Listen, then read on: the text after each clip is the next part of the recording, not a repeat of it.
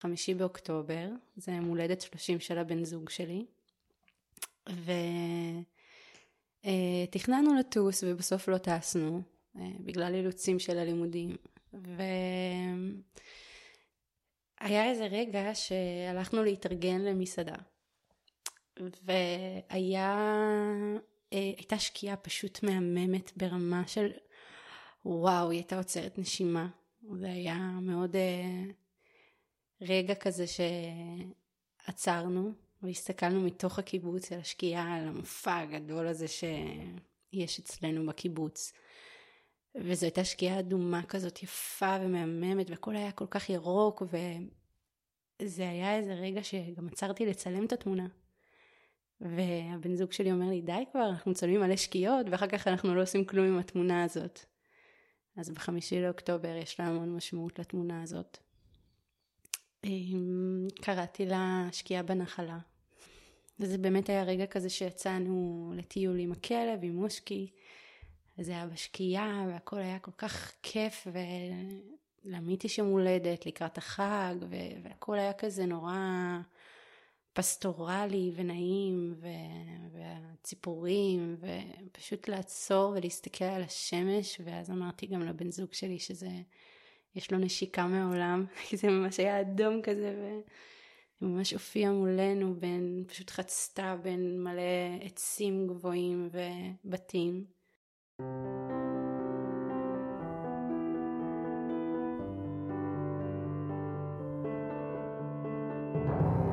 שלום, אני טלי אשר, ואתם על מי רוצה נס, פודקאסט שנועד להכיר לכם מקרוב את החיים לצד התמודדות נפשית.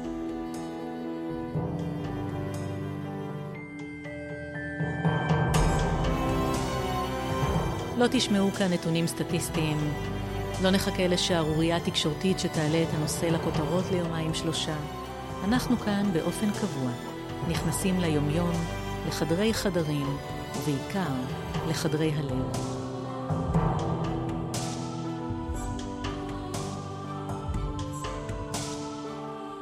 עדן תורג'מן התאהבה בבארי אחרי השירות הצבאי, ורק אחר כך הגיעה האהבה לעמית, בן זוגה. עדן ועמית יצאו ללימודים של שנתיים בתל אביב, וחזרו באוגוסט האחרון לקיבוץ בארי. בבוקר השבעה באוקטובר הם נכנסו לממ"ד, מורגלים בכך. אמו של עמית יצאה לרגע למטבח להביא מים וקפה, וכשחזרה הם סגרו אחריה את הדלת. ואז הידית נשברה. עד מהרה היה ברור שמדובר באירוע שונה מכל מה שהכירו עד היום. נדרשו עוד שעות רבות להבין שמאחורי הקיר של הממ"ד שלהם מתנהל אחד הקרבות הקשים באותו יום ארור. היי עדן. היי. אה, כל uh, השאלה השנייה האחידה בפודקאסט היא מה הקשר שלך לעולם ההתמודדויות הנפשיות? עם איזו התמודדות את חיה? בגלל שאנחנו עכשיו בהקלטת פרקים בעקבות האירועים המחרידים שנאלצנו לחוות ועדיין אנחנו בתוכם, אז אני אשאל את זה קצת אחרת. אני אשאל איזו התמודדות מביאה אותך לשיחה איתי היום. אמ, אני חושבת ש... אחת ההתמודדויות זה, זה להכיר במציאות אה, ולהבין שזו מציאות ולא איזשהו חלום או... סיוט שהתעוררנו לתוכו. כן, זה להתחיל להשלים עם זה שיש בי עכשיו חלק בחיים, נקודה נורא משמעותית שלא ציפיתי לה בשום צורה. אה, לא, לא במימדים האלה, החלומות שלי, חשבתי ששם יהיו ההתמודדויות, אה, מה יקרה בעתיד, אה, מתי נתחתן, דברים כאלה, משהו שסטנדרטי בחיים האלה, בעולם הזה. אז כרגע ההתמודדות שלי זה להכיר במציאות המזוויעה, ולדעת שזה הולך להיות איתי לכל החיים. אז להכיר בזה שאיך אני לוקחת את הסיוט הזה מנסה לצעוד איתו איכשהו יד ביד כדי להמשיך לתפקד ולהמשיך לחיות. ועדיין לצד זה להגשים את החלומות וגם שם להתמודד עם הדברים שיפגשו אותי אחרי זה. והסיוט הזה התחיל בשבעה באוקטובר. כן. איך הוא התחיל אצלך? איפה את היית? אמ, היינו בדירה אה, בקיבוץ. קיבוץ ש... בארי. בקיבוץ בארי. שגרנו מעל אימא של הבן זוג שלי, יש לה יחידת דיור כזאת, כי היה חוסר בדירות mm. בארי, כי כולם אה, רוצים לבוא. Mm. גם נקלטנו לחברות, אז התחלנו מתושבות, וככה... בעצם אז... מתי, מתי הגעת לבארי? הגענו באוגוסט האחרון מתל אביב, לאחר אה, שנתיים בתל אביב, בעיר הגדולה. אמרנו, יאללה, בואו נתקרקע, בואו קצת נחזור למקורות. ולמה. דווקא בארי? אה, הבן זוג שלי משם. האהבה שלי עם הקיבוץ התחילה לפני שש שנים, לפני שהכרתי את עמית, הבן זוג. אחרי הצבא אמרתי, טוב, אה, מה עושים? אז אה, באמת ראיתי הודעה של חבר שהוא אמר שיש אה, במב"חים, זה השם של זה, בקיבוץ וגרים. אני, אין לי מושג מה זה במב"חים. במב"חים זה התחיל בין משק בשנת חופש, 아, משהו אוקיי, כזה. אוקיי, כן. ואז זה פשוט אנשים שמגיעים אחרי הצבא ועושים מועדפת. Mm-hmm. אני התחלתי בכלל בגן ילדים, בגן ארזים קוראים לזה. שמונה חודשים עד שנה וחצי, ולאחר כמה חודשים אה, עברתי לדפוס, ושם עבדתי עם אה, אריק ראוניק, שבעצם אה, נרצח בתפקידו כרבש"ץ בקיבוץ.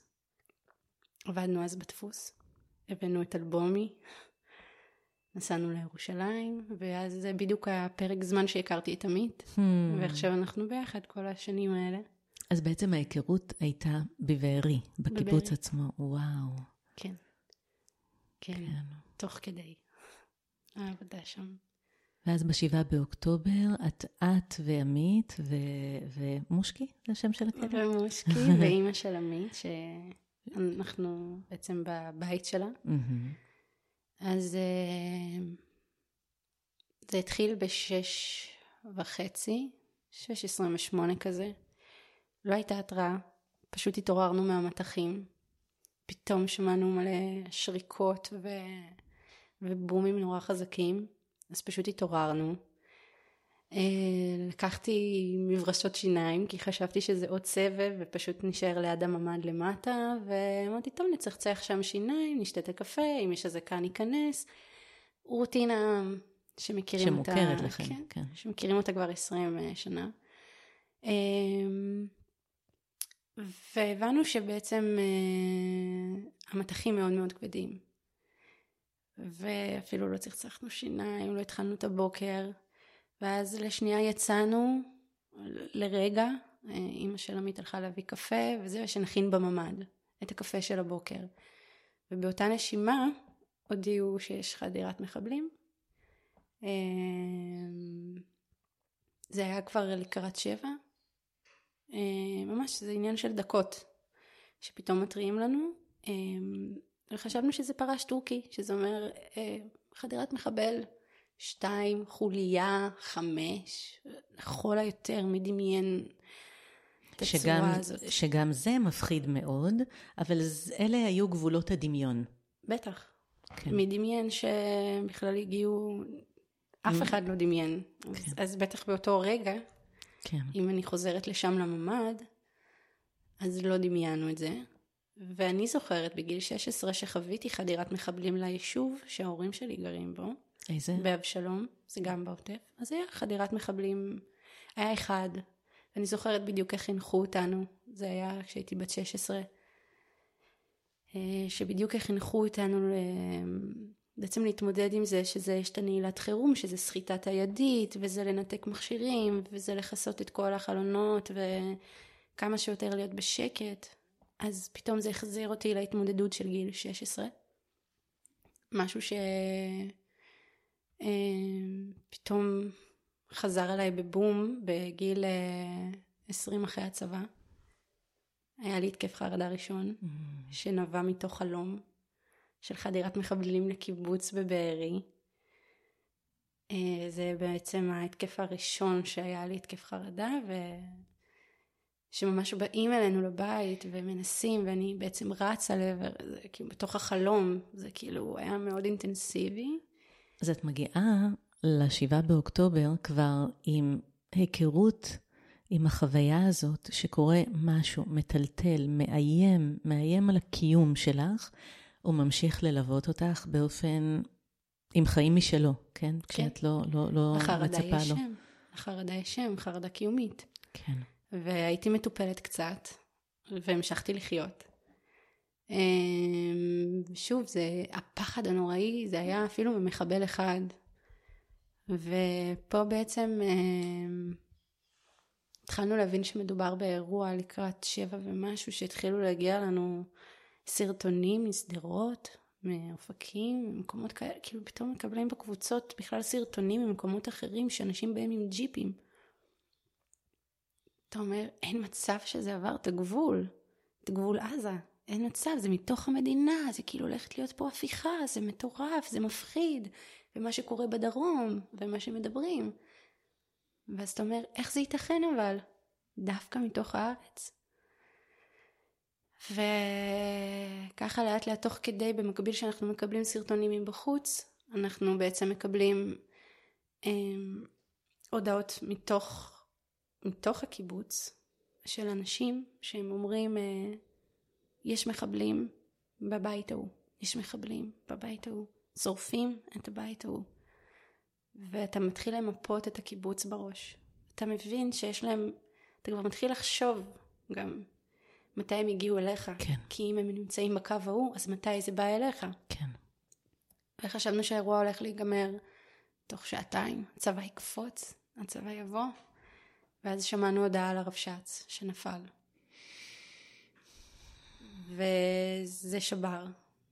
זה השבר הראשון ככה שבאמת... אה, התחיל, זו הנקודה שבה אני זוכרת שזה התחיל, הסיוט האמיתי, מאריק mm. ראוניק. ואז מגיעים עוד שמות, ואז אומרים בהודעות שורפים אותנו, שמישהו יגיע לחלץ. ואני במקביל מדברת עם ההורים, אבל נגמרת לי הסוללה. Mm. אז אה, בעצם אני מדברת דרך הטלפון של הבן זוג שלי, עם ההורים שלי, שנמצאים באופקים, שגם שם יש מחבלים. ואני בכלל אומרת להם, תשמרו על עצמכם. אני בכלל דואגת להם, כי אני חושבת שהאירוע אצלנו תכף ייגמר, כי אנחנו בגזרת עזה. ברור שהצבא תכף יבוא ויסיים את כל הסיפור הזה. ברור, זה עניין של שעתיים ו- ו- וזהו, וחוזרים, ומקסימום שוב מטחים. וזה נמשך. ואנשים כותבים הודעות מזוויעות בקבוצות. אמ, זה נורא לחשוב מה חשבנו שם בממ"ד בכלל עכשיו בדיעבד. שאתה אומר, זה לא אמיתי. זה לא נכון. זה לא נכון מה שאנחנו מקבלים, וזה לא נכון מה שקורה שם. ואתה דואג לחברים, והדאגה נהיית פשוט ענקית, כמו איזה מפלצת. ואז אתה גם פתאום מסתכל על המקרו-מיקרו, והמיקרו זה מה שקורה בממ"ד, שהוא הופך להיות בעצם סוג של חדר רצח mm. למשפחות. אתה אומר, אני במקום בטוח, אבל האם זה באמת בטוח? כבר אין מקום בטוח בעצם. כדאי לברוח, כדאי להישאר, כדאי להתחבא, כדאי... מה כדאי לעשות, ותוך כדי זה גם שיחות עם ההורים בוואטסאפ. אמ, ואני מתחננת שיתקשרו לצבא, אולי הם התבלבלו בגזרה. אולי הם נסעו לצפון ואני כותבת לאימא שלי, יש סיכוי שהם התבלבלו בגזרה, יש מצב שהם בצפון בכלל והם, והם לא אצלנו בעזה, כאילו בעוטף, תתקשרו לצבא. זה לא הגיוני, ואז אנחנו מקבלים תוך כדי הודעות שחוטפים אנשים. ואתה כבר, אתה... אני פשוט הייתי בהלם מוחלט שחוטפים אזרחים. ו... וזה נמשך, וזה נמשך, וזה נמשך, והצבא לא מגיע. ואז אני מקבלת הודעות שהצבא מנסה להגיע אלינו. ואז היחידה, היחידה ששירתתי בשלדג, אח שלי הודיע לי שהם בכניסה לקיבוץ. ולא נכנסים. הם לא יכלו להיכנס, בגלל שחיכה להם נ"ט בכניסה. ובעצם אתה מבין, אני מבינה שאנחנו, שהאירוע הזה הוא בעצם עוד יותר גדול. אם היחידה שלי לא הצליחה להיכנס, אז מי כן יוכל להיכנס? ומה קורה בחוץ? ופתאום הפסקת חשמל. עשר וחצי, אחת עשרה הייתה הפסקת חשמל, אז אנחנו בחושך, בחושך מוחלט. ופשוט מלא שריקות של RPG, ויריות של מאג, וצרורות, ואתה ש... פשוט שומעים את, ה... את המחבלים, ואתה שומע את הירי, ואתה שומע את המרחקים, והוא הרבה יותר גדול ואתה מחכה לשמוע בתוך כל הטירוף הזה מסוק. את חיל האוויר, מישהו מלמעלה, אתם לא מצליחים קרקעית אז משהו מלמעלה והסיפור לא נגמר. ואמרו שנכנסו כוחות והם לא יצאו אה, בצורה מיטבית מהקיבוץ אלה שניסו לחלץ. איך את מתפקדת בשעות האלה? בשלב מסוים, קודם כל, אני מאוד ערנית לסביבה, לקולות, אתה גם בחושך, אז פתאום השמיעה מתחדדת נורא.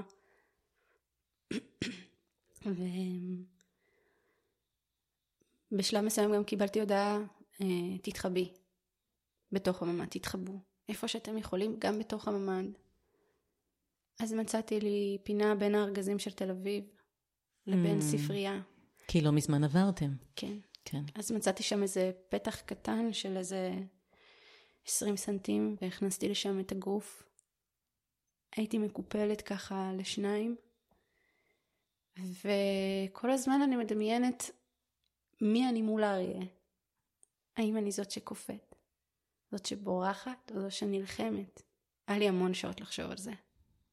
והמון מצבים שהייתי בהם. וככה במשך כל השעות לא אכלתי, לא שתיתי, לא, לא שטפתי פנים, לא התפניתי, לא כלום, פשוט מקופלת על חצי במשך המון שעות. וההתמודדות הייתה בעצם תפילות. כי כבר אתה מבין שאין הגנה אחרת. צבא ההגנה לישראל לא מצליח להגן, וזה כואב. זה כואב במלא רבדים, אבל גם כואב לי על אותם חיילים שניסו, באמת ניסו, באמת ניסו להגיע אלינו, להגיע לחלץ אנשים. אני שומעת שאת גם קצת שומרת עליהם במחשבות שלך, באופן שבו את כן, uh, מספרת את זה. אני שומרת עליהם מפניי גם, כי mm. יש בי כעס כלפי הצבא והמדיניות שבה זה התנהל, אז אה, זה לא פייר לכעוס על אותם אנשים שעבדו ונפלו בקרב וניסו, פשוט על מקבלי ההחלטות. כן. בלי יוצא מן הכלל מבחינתי. אף אחד לא, אף אחד לא חף מזה. לא מבחינה צבאית ולא מבחינה מדינית, מבחינה של הראש. כן. הראשים. כן. מבחינתי מי שאחראי. אמ, זה באמת אה, תפילות. הייתה לי שמיכה צהובה. שאני מדברת עליה הרבה. לקחתי שמיכה שתעטוף אותי. היא הייתה המגן שלי בתוך הממ"ד. וזה פשוט כמו זעקות שקטות לאלוהים שיעזור. וזה תפילות בלי סוף. וזה לזמן, לזמן, לזמן, לזמן. שיהיה פה. ושהיקרים ש... אני מכירה שיהיו פה, שיהיו נוכחים וישמרו עלינו. וזה פשוט להיכנס למעין טראנס של התפילה, ולהגיד גם, אנחנו אנשים טובים. אתה חייב לנו הפעם, הפעם אני באמת מבקשת. לא ביקשתי מעולם בצורה כל כך, ואז הרגשתי שהבכי באמת פותח את שערי שמיים, והרגשתי שם משהו נורא רוחני וחזק. ו... לחשוב איפה גם הבית שלנו היה ממוקם ביחס למה שקרה סביבנו, אני יכולה להגיד שהייתה לנו הגנה והייתה לנו שמירה. הוא היה יותר פנימי? מה, מה זה אומר מבחינה מרחבית? אמ, הייתה הודעה שבעצם בחדר אוכל מוחזקים בני ערובה. אז זה היה אצל השכנה שלנו. וזה היה שם כל הבלגן, ושם הייתה לחימה מאוד כבדה. היה מאוד קשה לחלץ אותנו. אמ, היה... היה קשה, מאוד. התחלנו לשמוע המון ירי לכיווננו, לכיוון הבית. וצרחות.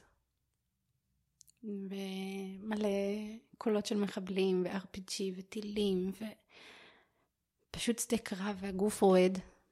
הגוף רועד, כי אתה מבין שהנה, לפי המיפוי מקודם, עכשיו תורך. הם פה. כן. כן, עכשיו הם פה, ועכשיו זה הזמן. עכשיו זה הזמן שלך, או שאת חיה, או שאת נרצחת, או שאת חטופה. אין פה משהו אחר. אין פה סיכוי אחר.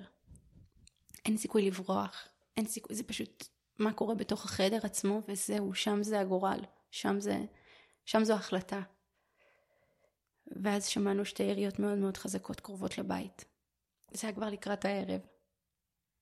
אמ, ואז פרץ אלינו לבית כוח ימ"מ. אה, שאלו כמובן אם מישהו פצוע, אם הכל בסדר. לא היינו פצועים, היינו בסדר. אמ, ואני התחננתי לצאת לשירותים, וזה לא היה אפשרי באותו הרגע. ובעצם הימ"מ התחילו לנהל את הקרב בבית שלנו, מול הבית השכן. השכן, וממול. כי היו שם אה, שני אירועים מאוד מאוד אה, חזקים ו... בעצם התבצרות מחבלים בשני המבנים עשרות האלה. מחבלים. אם לא, זה הגיע כמעט למאה מחבלים באזור שלנו. אמ, כן, זה, והימ"מ התחיל, ו... אני לא יודעת איך לא הזכרתי את זה. הידית שלנו נשברה בבוקר של הממ"ד. וואו. זה... הידית נשברה ברגע שאימא של עמית הביאה לנו קפה בבוקר וסחטנו שוב את הידית למעלה, היא פשוט נשברה לה בידיים. והיינו חשופים. אז זה... אני חוזרת רגע אחורה בכלל להסביר את, ה... את הצורה שבה היינו בממ"ד ולמה גם אמרו לנו להתחבא בתוך הממ"ד וכמה זה היה חשוב. באמת שם יש הרבה מאוד עדויות על שעות על גבי שעות של להחזיק בידית. אבל את אומרת שלא הייתה ידית לאחוז בה. וגם הבנו בשלב מסוים שגם יורים דרך הממ"ד ואנשים נרצחים ככה. אז איך? מה עושים? והדלת נפתחת החוצה, זה לא פנימה. אז מה עושים? איך חוסמים את זה? ובחדר לא היה שום אמצעים, ואני... אני רגע חוזרת אחורה לסיטואציה של אה, לפני שהימ"מ הגיע, כי תמיד בא לי לספר את הסוף הטוב, אבל זה כזה רגע מחזיר אותי, שהבאנו את ה... כאילו שאימא של עמית הביאה את הקפה ואת הכוסות ואת הבקבוק איקאה מהזכוכית. הסתכלתי על זה ככלי נשק. הסתכלתי על זה ככלי נשק. ואם המים עדיין בבקבוק אז יהיה מספיק כבד כדי בעצם להילחם עם זה. וזה ייתן יותר כוח ממה שיש לי. ואיפה, ואיך, והאם יהיה לי את האומץ לעשות את זה אם יקרה משהו לאחד מהם, כי אני מתחבאת, כאילו אני מתחבאת בארגזים. אז uh, כל הזמן זה כמו נוסחאות שעוברות בראש, איך אני מגיעה מהזווית הזאת לשם בצורה מיטבית, לבקבוק, ו... ו... ומה יקרה? ומחשבות בעצם על האם אני הולכת באמת לבצע את הפעולה הזאת של להרוג מישהו? לחסל מישהו בידיים חשופות, ואז עולה הקול השני, השתגעת? אסור לעשות את זה, הם רבים. ואז אני אומרת, אין סיכוי שאני נותנת למישהו לפגוע באחד מהם. אין סיכוי. ואנחנו בלי שום הגנה בתוך ממ"ד, לא, לא הבאנו סכין, לא הבא... גם זה אני אומרת, זה צריך להיות במצב נורא של פסיכוזה מסוימת כדי לדקור מישהו עם סכין, זה במצב מאוד קיצון, ואז גם פה זה התמודדות שלי, לדעת שהייתי במצב קיצון. Hmm. זה המצב. זה, זו הסיטואציה. כן. ולהגיד עכשיו זה הזמן.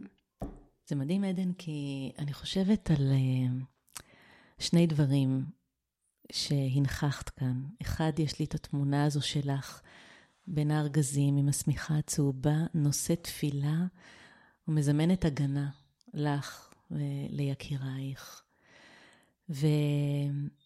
ובה בעת יש לך את היכולת הזו, בזמן אמת, כשצרים עליכם מכל כיוון ואת חשופה בעצם באמצעות הטלפון לדברים הכי קשים שלא, אף אחד לא העלה על דעתו שהתרחשו כאן. ויש לך גם מחשבה מאוד פרקטית של בקבוק הזכוכית, הוא יוכל להיות לי נשק, והאם אני יכולה לעשות את זה או לא. כאילו את הצלחת בשעות הנוראיות האלה להחזיק שני דברים. אחד מאוד אמוני, רוחני, רגשי, והשני מאוד אה, ביצועי, שרדותי, אה, מושכל. זה, זה מדהים אותי לשמוע את זה. זה הגיע אחרי שמבחינתי סוג של נפרדתי מההורים.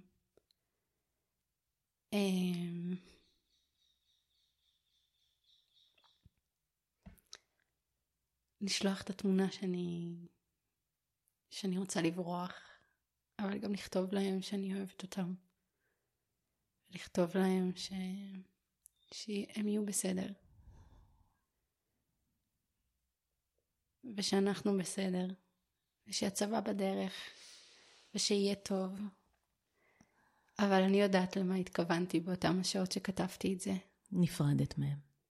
זה התאמן פרידה, אבל ידעתי שאסור לי, כי הנה, פתאום פה גם נכנס לאמונה. אם תאמיני בזה, זה באמת mm-hmm. יקרה לך. Mm-hmm. אבל אמרתי, אין סיכוי שאני אפספס את הצ'אנס הזה. Mm-hmm. לא לכתוב שאני אוהבת אותם, ולא לכתוב שאני... אז אין לדעת באמת מה, מה יעלה בגורלי בתוך החדר הזה, בתוך הממ"ד. ואז התחילו המחשבות על הבקבוק. אז התחילו לחשוב, התחילו המחשבות על אה, איך אני שורדת את זה. כי זה או זה או זה. כי גם אתה מבין שהם מוצאים אותך בתוך הממ"ד. הם מוצאים אותך, וברגע שהם מוצאים אותך הם יתעללו בך. אז עדיף לי להילחם. עדיף לי לפחות להילחם. זה, אז אני יודעת שזה יהיה ודאי, ושלא יעשו לי משהו. אנחנו חודש וקצת אחרי זה. מה למדת על עצמך מהיממה הזאת?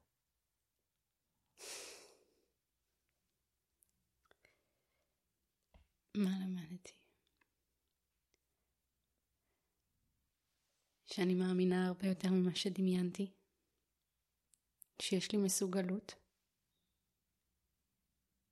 אמ, מסוגלות גם ברמה הרוחנית לפתוח שערי שמיים, זה באמת אה, זעקה כזאת מבפנים, מתוך הבטן, אבל היא צריכה להיות שקטה. Hmm. ולדעת שאני יכולה לצעוק בשקט. ואני עוד לומדת. אני כן. עוד לומדת. את מעיינת בזה, את עסוקה בזה. כן. אני עם הטיפולים מנסה להסתכל כל הזמן מיקרו, מקרו, מיקרו, מקרו, מה קורה, ואנחנו עדיין בסרט. מקבלים עדיין הודעות על חברים שנרצחו, ועכשיו זיהו. אז הסרט עוד לא נגמר, כדי שאני אוכל באמת להבין. להתבונן. כן. אני שומעת שאת uh, פשוט גם בתוך האירוע עצמו למדת.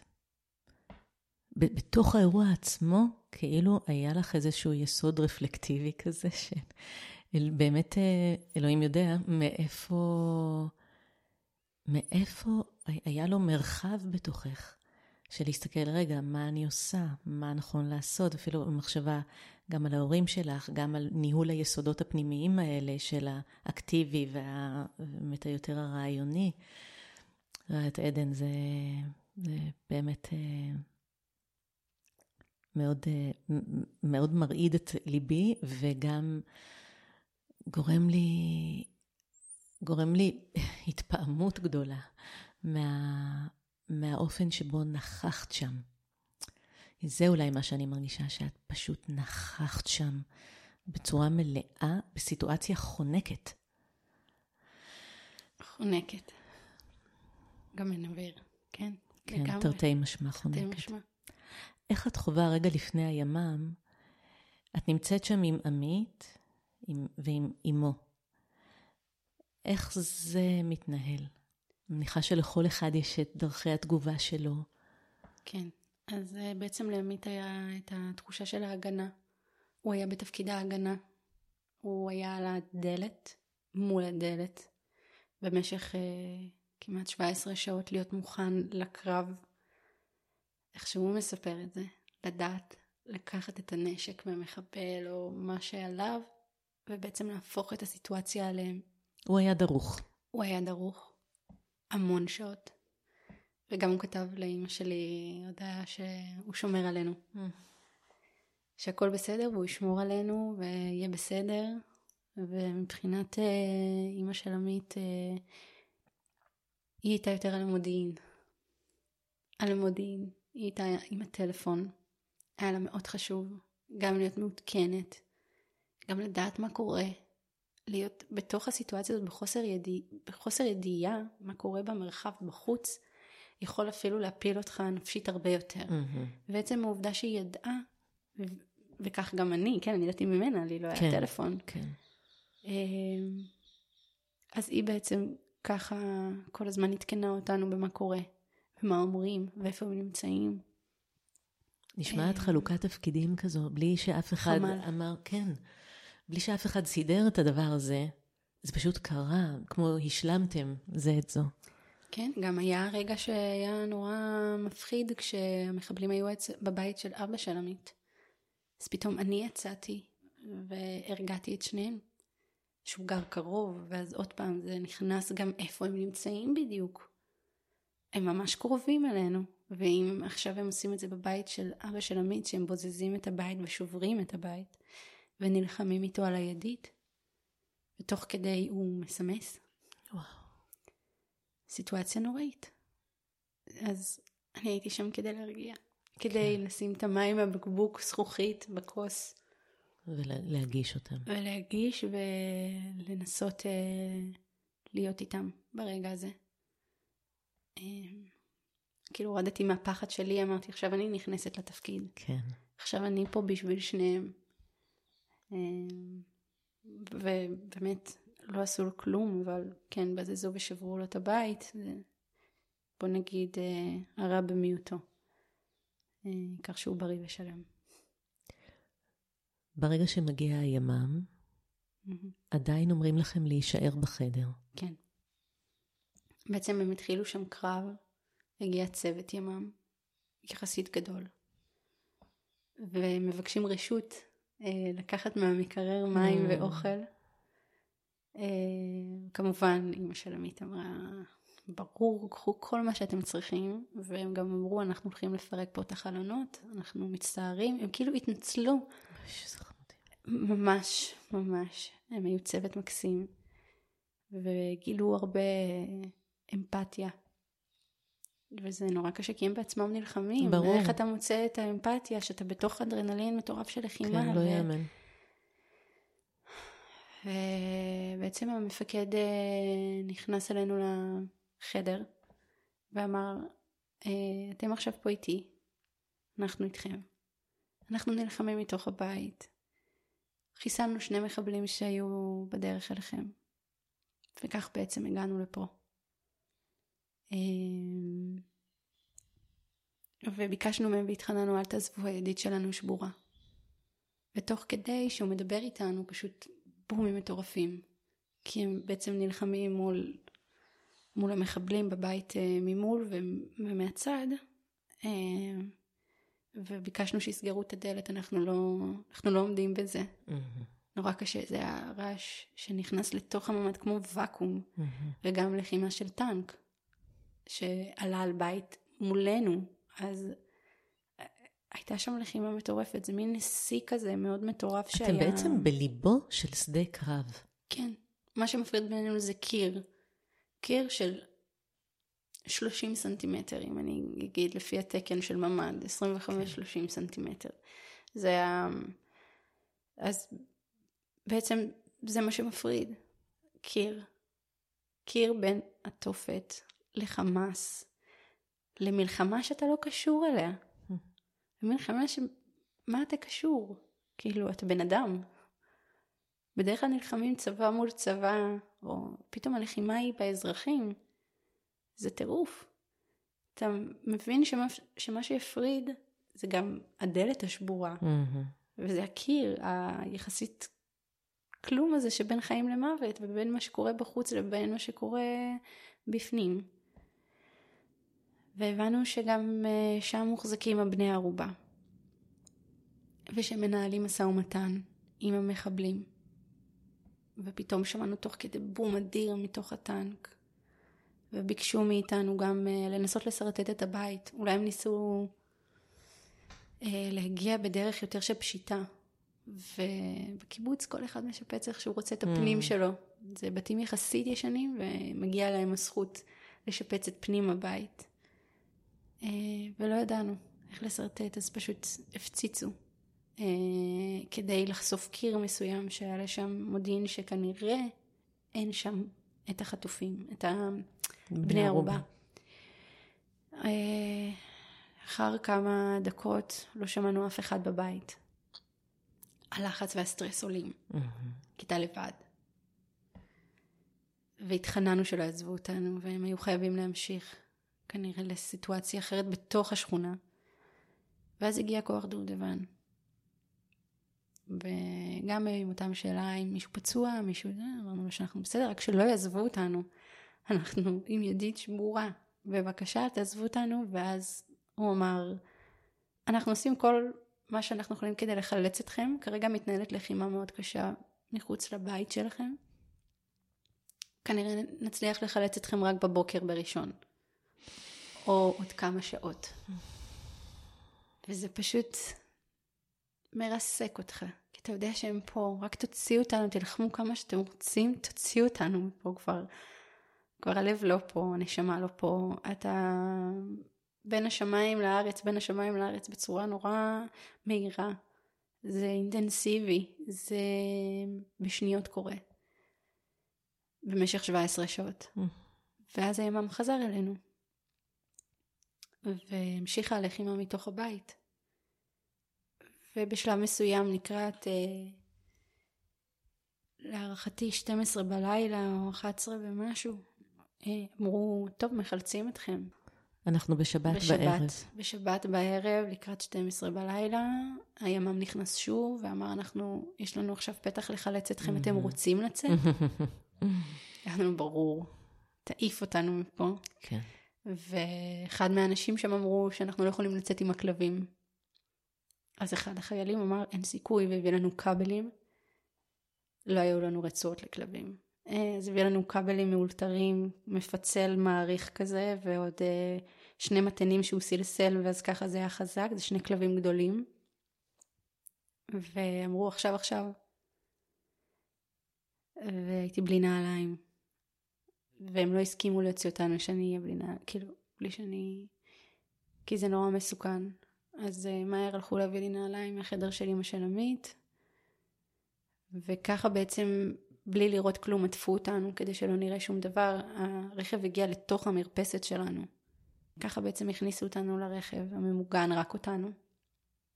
Uh, בידיעה שמוציאים בקבוצות אנשים, והם חשופים בחוץ.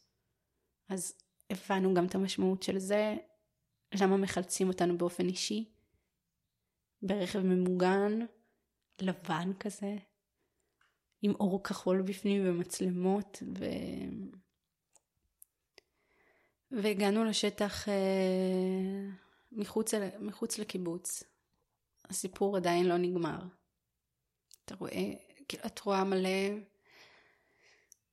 מלא אנשים, מלא אנשים יושבים על הרצפה מחוץ לקיבוץ, יש כזה מין שטח כזה. וילדים, ואנשים מפויחים לגמרי. ורצתי לחברה, שבעצם אימא שלה הייתה בת ערובה, זה הבית שלה, של האימא.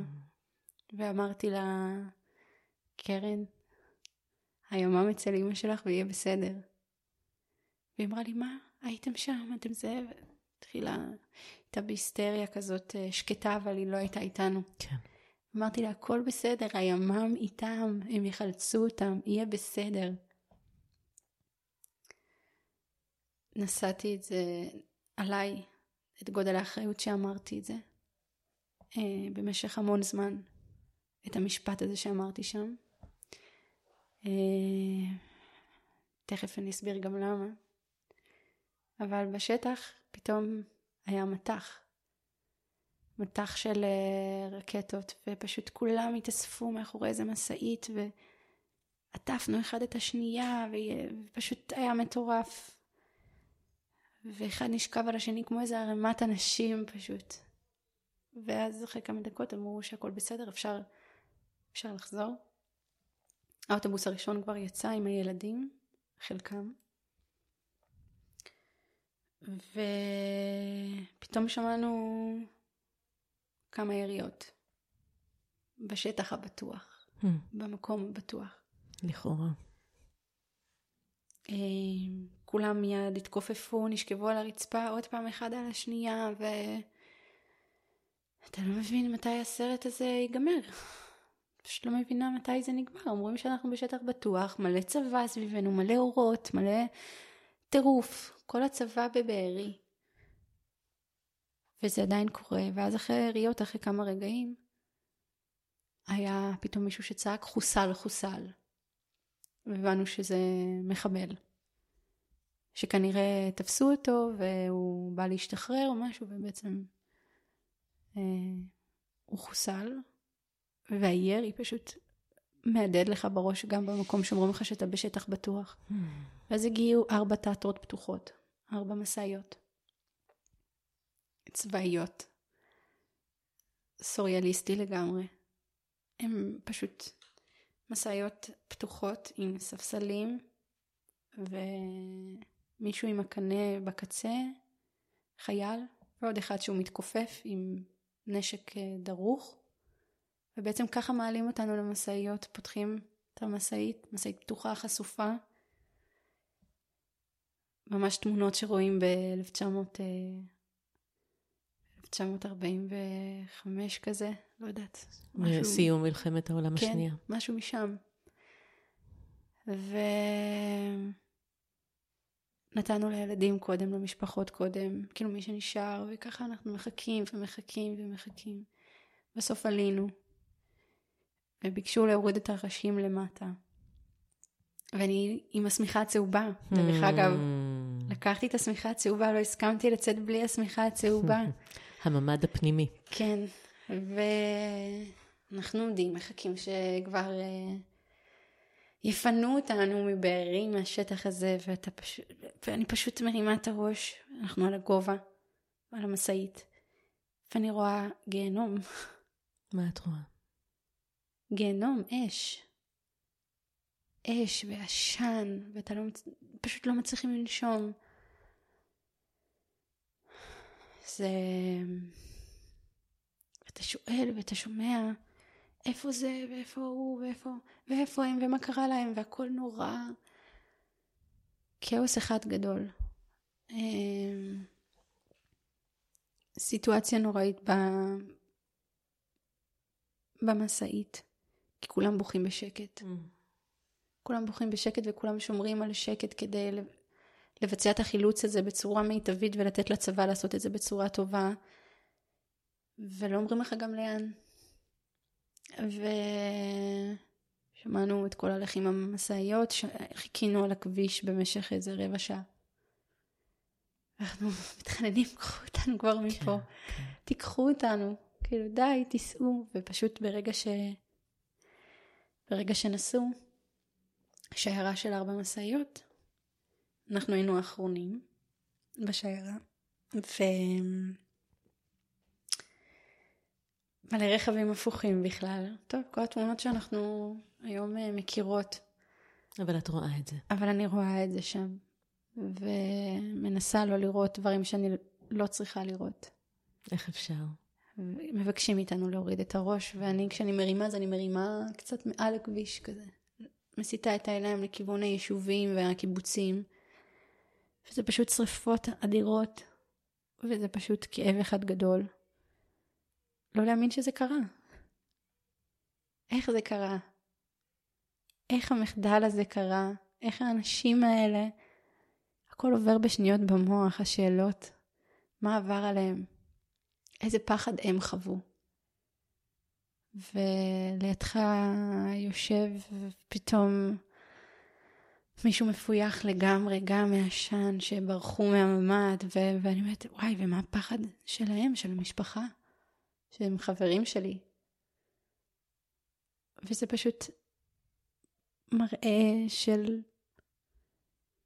אני לא יודעת איך לקרוא לזה, זה פשוט, זה פשוט אפוקליפטי לגמרי. רכבים הפוכים, שרופים, בדים, שזה אומר כנראה בגדים של מישהו, ומלא מחסומים, ואז זה כעס גם.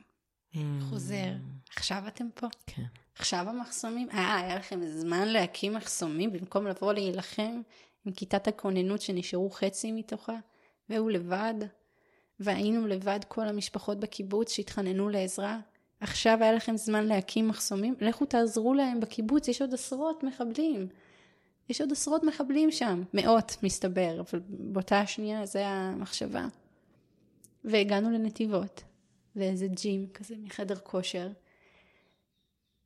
ובדרך, בעצם, אנחנו רואים מלא אנשים יוצאים מהחלונות, מסתכלים עלינו. Mm. כי רואים פתאום שיירה של משאיות מגיעה, והיא עוברת בשכונות. ומצלמים, ואתה לא רוצה שיצלמו אותך ברגע הזה, אבל הם מצלמים. ומסתכלים מבחוץ, וכאילו אתה מרגיש כמו איזה חיה בכלוב שכולם מסתכלים, או הפוך. כן. כמו איזה חיה שחילצו אותה. והגענו בעצם לחדר כושר, למין מכון, לא יודעת. מבנה כזה. מבנה כזה מאוד, country club כנראה זה המקום. ומלא תושבים חיכו לנו עם אה, אוכל mm. ושתייה.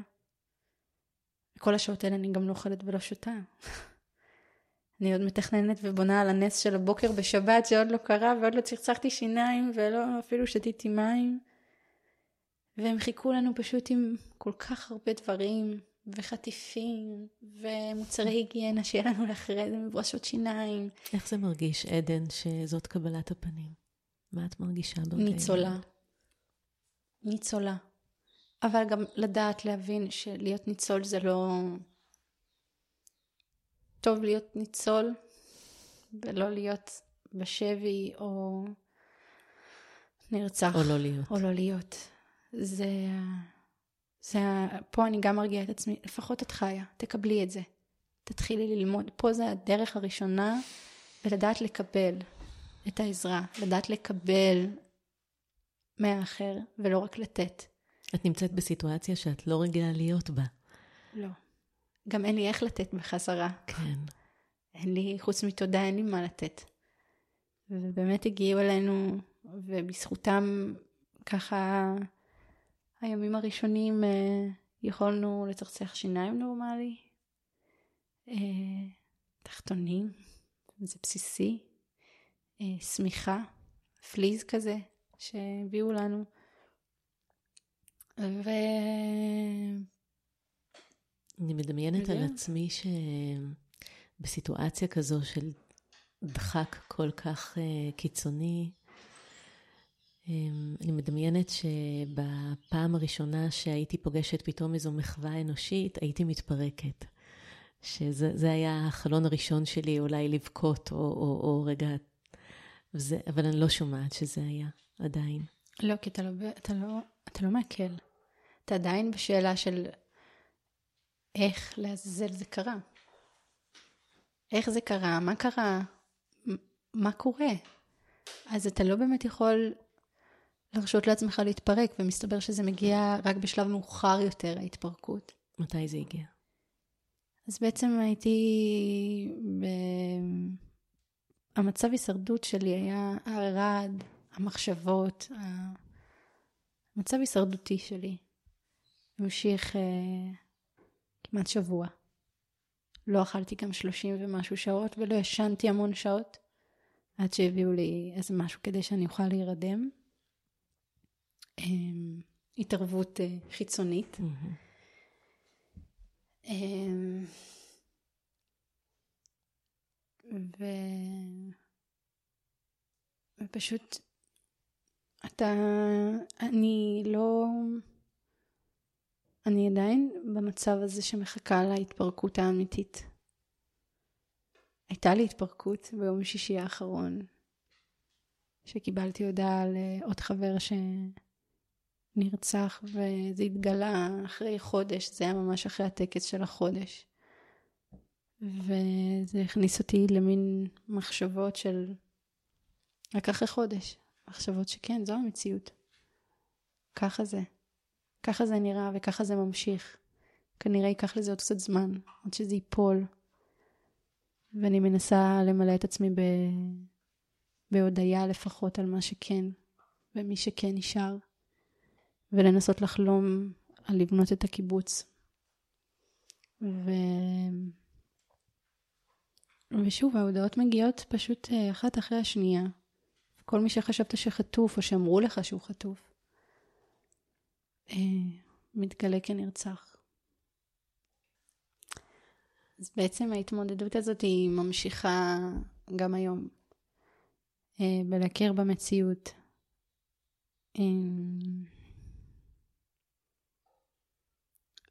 המיכל פשוט מלא. אתה לא מצליח. אתה לא מצליח באמת להתאבל. אתה פעם שמעת מישהו אחד, וזה פשוט מרגיש כאילו עולם ומלואו, ופה זה אין עוד סוף. ועוד ועוד ועוד. המיכל מוצף, והודיעו לנו שדודה של עמית נרצחה בסוף. וזה היה בדיוק כשהגענו לים המלח, אחרי איזה שבועיים, שבוע וקצת. בדיוק כשהגענו למלון, אה, דיוויד שם. חיכו לנו בחוץ והודיעו לנו את זה. ואתה לא מצליח אפילו להתאבל על הקרובים אליך, על הקרובים ביותר, כי, כי, כי אתה עכשיו יש חוסר... הצפה של אבל ואובדן. זה פשוט עצום. מי בן אדם נורא... אני כבת אדם, שאוהבת את החיים, וכל מה שחי. אה, ומסתכלת על זה ונאחזת בזה בחיים. על האופטימיות, כי גם אנחנו משפחה של אופטימיסטים, ומסתכלים על מה שטוב ועל חצי הכוס המלאה, ופתאום היא גם מתרוקנת. ואני באמת מנסה להחזיק אותה. מנסה להחזיק אותה. אמ, והיא מתרוקנת בלי, ש... בלי... בלי מאמץ, זה מרגיש. היא קורעת תחת הנטל. היא ממש. וזה גם בלי מאמץ, זה פשוט קורה. כן. זה מה שזה. כן. אה, ואנחנו בסבב של אה, הלוויות מ-12 עד 4 בקיבוץ רביבים, ששם קיבלו את קיבוץ בארי לקבורה, קבורה זמנית. ובעצם נכנס הארון ויוצאים, ונכנס ארון ויוצאים בחזרה. ונכנס עוד ארון, ואת כולם אתה מכיר, כולם אני מכירה. ואני מרגישה גם ש-90% מהאנשים שקיבלו אותי בקיבוץ, Mm. ונתנו לי להרגיש חלק מהקהילה, נרצחו. זה אותם אנשים שהייתי יוצרת בשבילים, בקיבוץ, והיינו מדברים. או שנייה עוצרים את הרכב ומדברים, ואני מרגישה שנשארו לי בערך אה, שלושה אנשים מתוך הקהילה. ואני הייתי מאוד מחוברת למבוגרים של הקיבוץ. הייתי עובדת במרכולית, אז ככה כולם, Mm. את כולם הכרתי. דווקא אותם אנשים שגרמו לי להרגיש חלק מהקהילה, שהייתי עוצרת לדבר, ועמית היה ממשיך, כי, כי הוא יודע שהשיחה הזאת תמשיך עכשיו אה, איזה כמה דקות טובות, ואין לו עכשיו ראש לזה. אז אותם אנשים שליוויתי אחד אחרי השנייה. אה, וזה קורה, זה קורע את הלב. ולהסתכל על חברים שלך שאיבדו את ההורים, והם יתומים עכשיו, והם בגילך, Hmm. בגילי. מתחילים את החיים. כן, רק התחילו את החיים. אני חושבת על זה שעבדת בגן, ובעצם נכון, ההיכרות שלך היא גם עם ילדים. נכון. נכון, גם עם אותם ילדים, ו... לדעת שעכשיו הם מתמודדים גם עם אובדן של חברים שלהם בגיל אה, נורא צעיר. לדעת שחלקם גם חטופים. זה קורע את הלב. הם היום בני שמונה להערכתי, שמונה שבע, והם עכשיו מתמודדים בדיוק כמוני. המציאות שלהם, הם מסתכלים עליה קצת שונה, אבל אנחנו חווינו את אותה חוויה. וחלקם גם מתמודדים עם אובדן יותר קשה. אמ, זה כואב, וכנראה גם אני קצת, אה, יש לי טריגרים כלפי ילדים כרגע, שזה משהו שאני עובדת כן. עליו. אני לא יכולה לשמוע ילד בוכה, כן. צועק. זה נורא קשה לי. אני היום עובדת על זה ביחד עם אה, מטפלת בטראומה, אבל זה כנראה מטרגט אותי. זה מפעיל אצלי משהו. אני, אני בטוחה, אני, אני מזדהה עם זה בלי להיות שם. אה, אני יכולה להגיד לך שמאז השבעה באוקטובר, בימים הראשונים באמת ראיתי ילדים סתם כך, כשפשוט יצאתי מהבית והתחלתי לבכות ו- והתפרקתי, ועד היום זה, זה פחות עוצמתי, התגובה פחות עוצמתית, אבל זה עדיין אה, עובר דרכי ולא לידי, פשוט לראות ילדים בחוץ מסתובבים, או עושים נכון. דברים טריוויאליים. בדיוק. זה לחשוב על אותם ילדים שנרצחו או שבויים. זה ממש להסתכל עליהם ככה, זה יכול להיות הוא, וזה יכול להיות היא, וזה הייתה... וגם על המבוגרים, על הקשישים, כן. על, ה... על המטפלים שלהם אפילו. לחשוב שהם היו ממש צמודים וגם נכנסו אליהם לבית, אבל לא קרה להם לאותם אנשים הספציפיים שהיום איתנו, אבל גם להסתכל על הקשישים, על הגיל השלישי, ולדעת שזה... שהם היו יכולים להיות גם ברמה של אה, 50 אחוז. 50 אחוז כן, 50 אחוז לא. אין פה משהו של... כן, התנהלות מסוימת או... אה, אז כן. אה, אז זה מטרגט אותי מאוד, וזה מתבטא בכעסים פנימיים בלבד. כרגע לא הרבה יוצא לא החוצה. מוציאה את זה. לא כן, מוציאים. אין לי גם איך... אין לי... כן. לא, אין, אין על מה להוציא את זה תכלס, זה פשוט פנימי וזה מציף אותך ופשוט עובר לך בכל הגוף, מלמטה עד למעלה. זה עובר לי בכל הגוף. וזה חוסר סבלנות. וזה שאני יושבת איתך פה ולא בורחת אחרי עשר דקות, שזה Mm. כרגע היה הלימיט, לדעת לשבת לדבר עם אנשים בצורה נורמלית, ולספר את הסיפור, ולא גם, אה, יש לי מין בלקים, זאת אומרת המוח, אז אני מבינה שאני עדיין לא במצב המיטבי שלי. יש לי חורים ברור, ב- במחשבה, בזיכרון, את עוד לא מאוחה. לא. תהליך האיחוי עוד לא... עוד לא. הסתיים. כן. עוד לא, וזה ייקח זמן, אני תמיד כן. שואלת מתי. מהמם.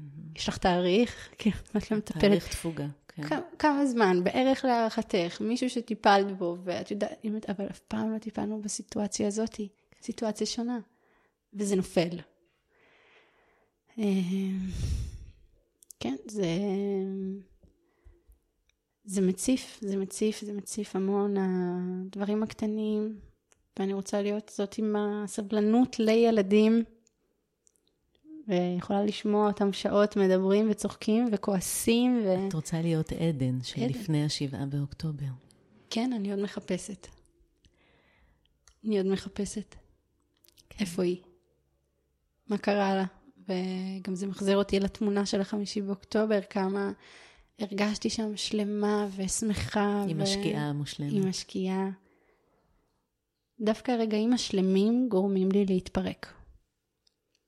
וגם כשהיינו בקיבוץ בארי הלכנו אחרי חודש, אחרי 30 יום, הלכנו לראות מה, מה קרה. תפסנו אומץ, הלכנו לקיבוץ. ויצא אלינו איש זקה מאחד הבתים של השכנים. והוא פשוט חיבק את הבן זוג שלי. הוא היה בהלם לראות מישהו חי מהשכונה, מה, מה, ממש מהקו הזה, איפה שהייתה לחימה. ואני מסתכלת לו בעיניים, ואני רואה את העץ, פשוט חלול. המראות שהוא ראה, גם ראיתי אותו בכמה ראיונות, זה פשוט... ו... את רואה על עיניו את העקבות, את הצלקות של כל מה שהוא נחשף אליו. אני אפילו לא יודעת למה הוא נחשף, כי אני בעצמי לא נחשפתי למידע. כן. שמרו עליי כל התקופה הזאת כדי לא לראות, כדי uh, לטפל. בעיקר לטפל רגע, ואחר כך נסביר. תוך כדי נסביר, או אחרי זה נסביר את התמונה הגדולה יותר. ודרכו פשוט הרגשתי את הכל בבת אחת, בעוצמה גדולה. וגם איתו אימתתי את העניין המחבלים. אמרתי לו, איפה היו פה שני מחבלים ליד הבית הזה? ואז הוא הראה לי, זה היה ממש קרוב. זה היה בדשא. זה היה עניין של רגע. והסתובבנו בקיבוץ אחרי ש... הסתובבנו קצת בקיבוץ אחרי שנכנסנו לראות מה נזק הבית אצלנו, הבנו שלמעלה היו יריות על המיטה, מהגג אל המיטה, mm. והיה ניפוץ בחלון של ירי, או רסיס, לא יודעת. והתחלנו לטייל ואתה מרגיש רחוק. אני פשוט מרגישה רחוק. Mm. ריחוק, זה לא... זה לא הבית. זה לא. Mm-hmm. זה לא, אני הסתכלתי פה, והיה פה משהו אחר בשישי באוקטובר.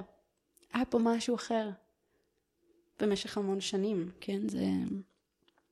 ביום אחד פשוט נראה ככה, ככה נראה הרס מוחלט. מוחלט טוטאלי של אין בית. מה זה אין בית? אז, אז, אז מי השכן של אלה? אבל גם הבית שלו הוא אדמה. זהו, רואים רק אדמה. לא רואים את הבית. אז רגע, איפה הבית נגמר? איפה הוא התחיל? אבל פה הייתה השכנה הזאת, ופה השכן, ופשוט, אתה לא מצליח לדמיין. ואז אנחנו עוברים שכונה ושכונה, ומגיעים לבית של חבר. אה, ובית שלם, אבל אה, יוני אינו.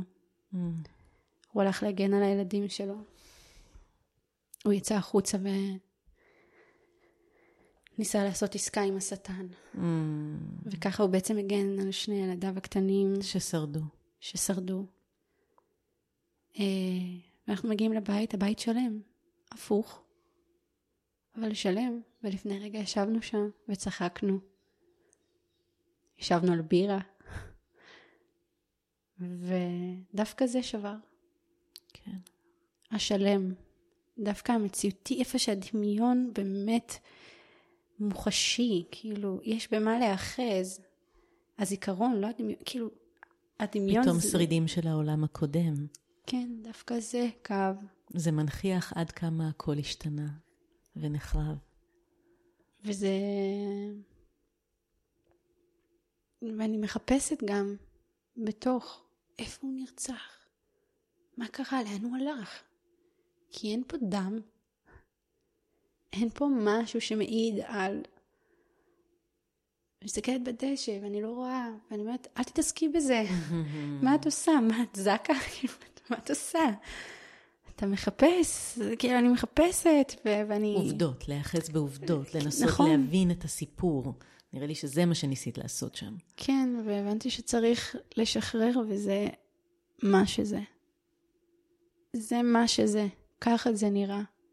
זה יכול להיראות שחור וזה יכול, וזה יכול להיראות שלם. זה יכול להיראות שבור והפוך. אבל זה פגע בכולם. איפשהו זה פגע בכולם. זה דפק על הדלת של כל בית בקיבוץ. אתה מכיר מישהו, זה מהמשפחה, או משפחות שלא כבר, והם היו חברים, והם דווקא אבל במקום השלם הזה שראיתי את המרפסת ונכנסנו, אז פתאום התפרקתי ובכיתי.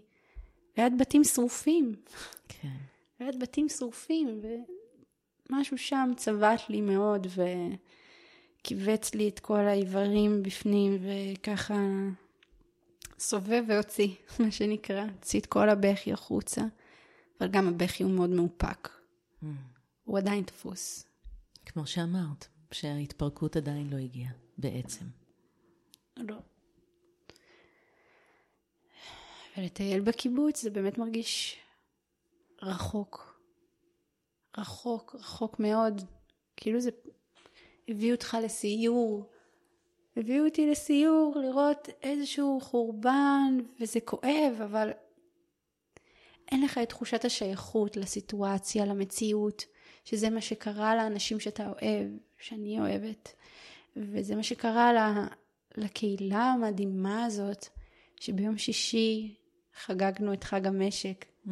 את היווסדה של, של בארי. אמ,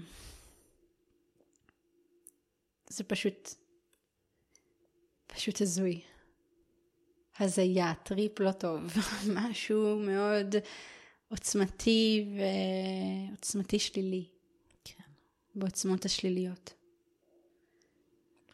אנחנו יושבות עכשיו בקיבוץ חצרים. נכון. אה, הגעתם לתחנה הזו כרגע.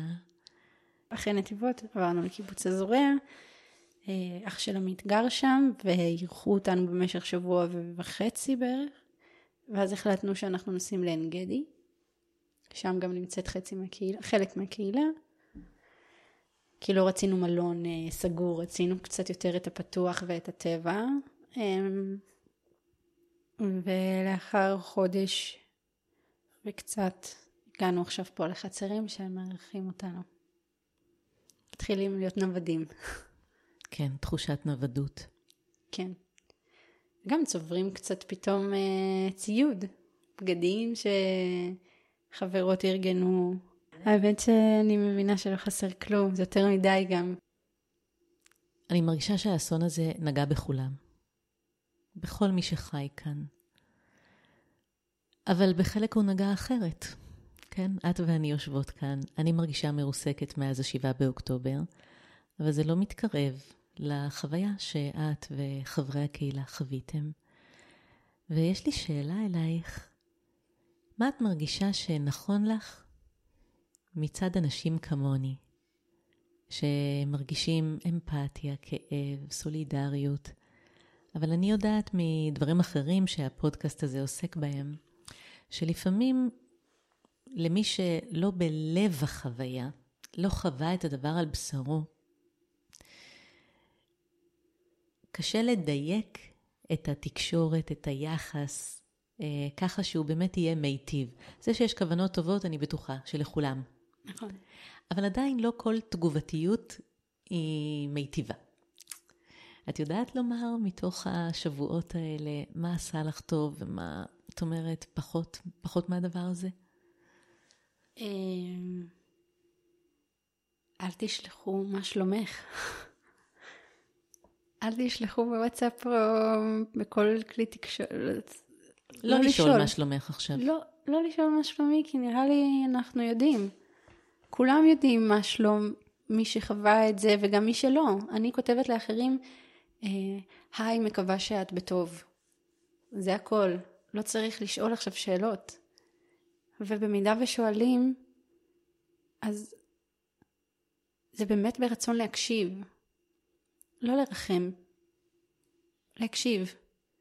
לשמוע את הכאב, אבל לא לרחם עלינו ב... אין צורך. אנחנו... טוב זה לא עושה. לא. כי, כי אנחנו בעצמנו לא שם, גם בתחושת הרחמים העצמיים, הדבר הזה, אז כאילו מרחמים עלינו, אז זה כאילו מנתק יש אותנו. משהו מאוד מקטין כן. בגישה של רחמים. בדיוק, אז זה גם מנתק אותנו. זה מנתק אותנו מרצון להיות נוכחים בסיטואציה, ביחד עם אותו בן אדם שבעצם מרחם.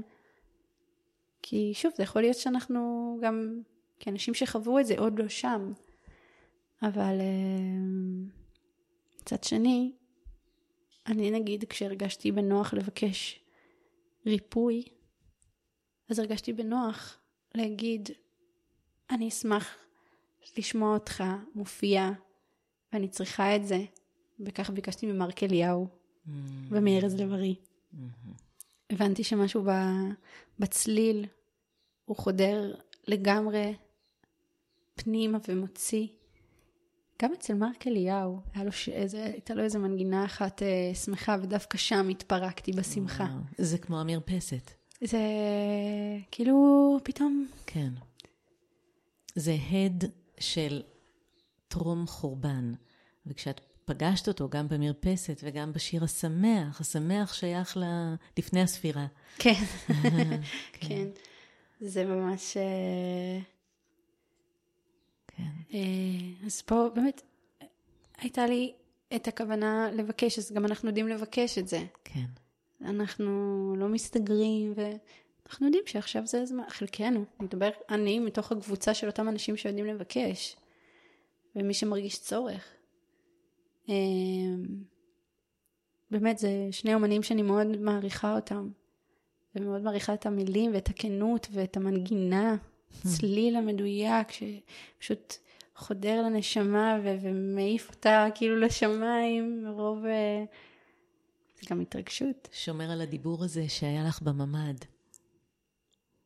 הדיבור הזה עם איזה משהו שאי אפשר להסביר אותו במילים, משהו רוחני, משהו נכון. נשמתי. נכון. איזה נס יש בחיים שלך? זה שהצלנו את החיים של מושקי, של הכלב, שמצאנו אותו בשישי בלילה באחד הימים ליד קיבוץ רעים, ככה הצלנו עולם, עולם שלם של, של נשמה כל כך טובה של הכלב שלנו. אז זה התגמול, זה הנס, זה אולי מי ש... זה בעצם ההחזרה של היקום אלינו בעצם. כן. אז קיבלתם גם אתם את החיים, אז אנחנו עכשיו, כאילו, הצלתם את מושקי, את הכלב החמוד, וניצלנו. אז יכול להיות שמושקי הוא הנס. Mm. שהוא באמת אה, מקסים, אני יכולה להעיד. ולאיזה נס את מייחלת? להחזיר לנו את הכוחות בחזרה, ושבאמת החיים בקיבוץ יהיו טובים. עדן, תודה רבה. אני ממש אה, יוצאת מכאן מאוהבת בך, ובאמת נפעמת מה, מהאופן שבו את מתמסרת למה שחווית, ונמצאת בתוכו, לידו, מעליו, מתחתיו, נעה בתוך הדבר הזה. אמ, וזה היה לי מרתק ומרגש לשמוע אותך. תודה רבה. ממש היה לי גם, גם נעים איתך ולשתף אותך פנים מול פנים. Hmm. כן. תודה גדולה לעדן תורג'מן. תודה לצחי אשר, שאחראי על הסאונד ובאופן כללי על האהבה בחיי. תודה לכם ולכן על ההקשבה ועל התגובות החמות, בתקווה שביחד, במו ידינו, נחולל כאן נס. מי רוצה נס נמצא בכל אפליקציות הפודקאסטים, ספוטיפיי, אייטיונס, גוגל פודקאסט או כל אפליקציה אחרת. אפשר למצוא את כל הפרקים גם באתר שלי, טליאשר.קום, ולעקוב אחריי בפייסבוק. כדי להתארח בפודקאסט, להגיב או להמליץ על מישהו אחר, שילחו לי הודעה באתר. ועד הפעם הבאה, שיהיה לכם ולכן כמה שיותר נס.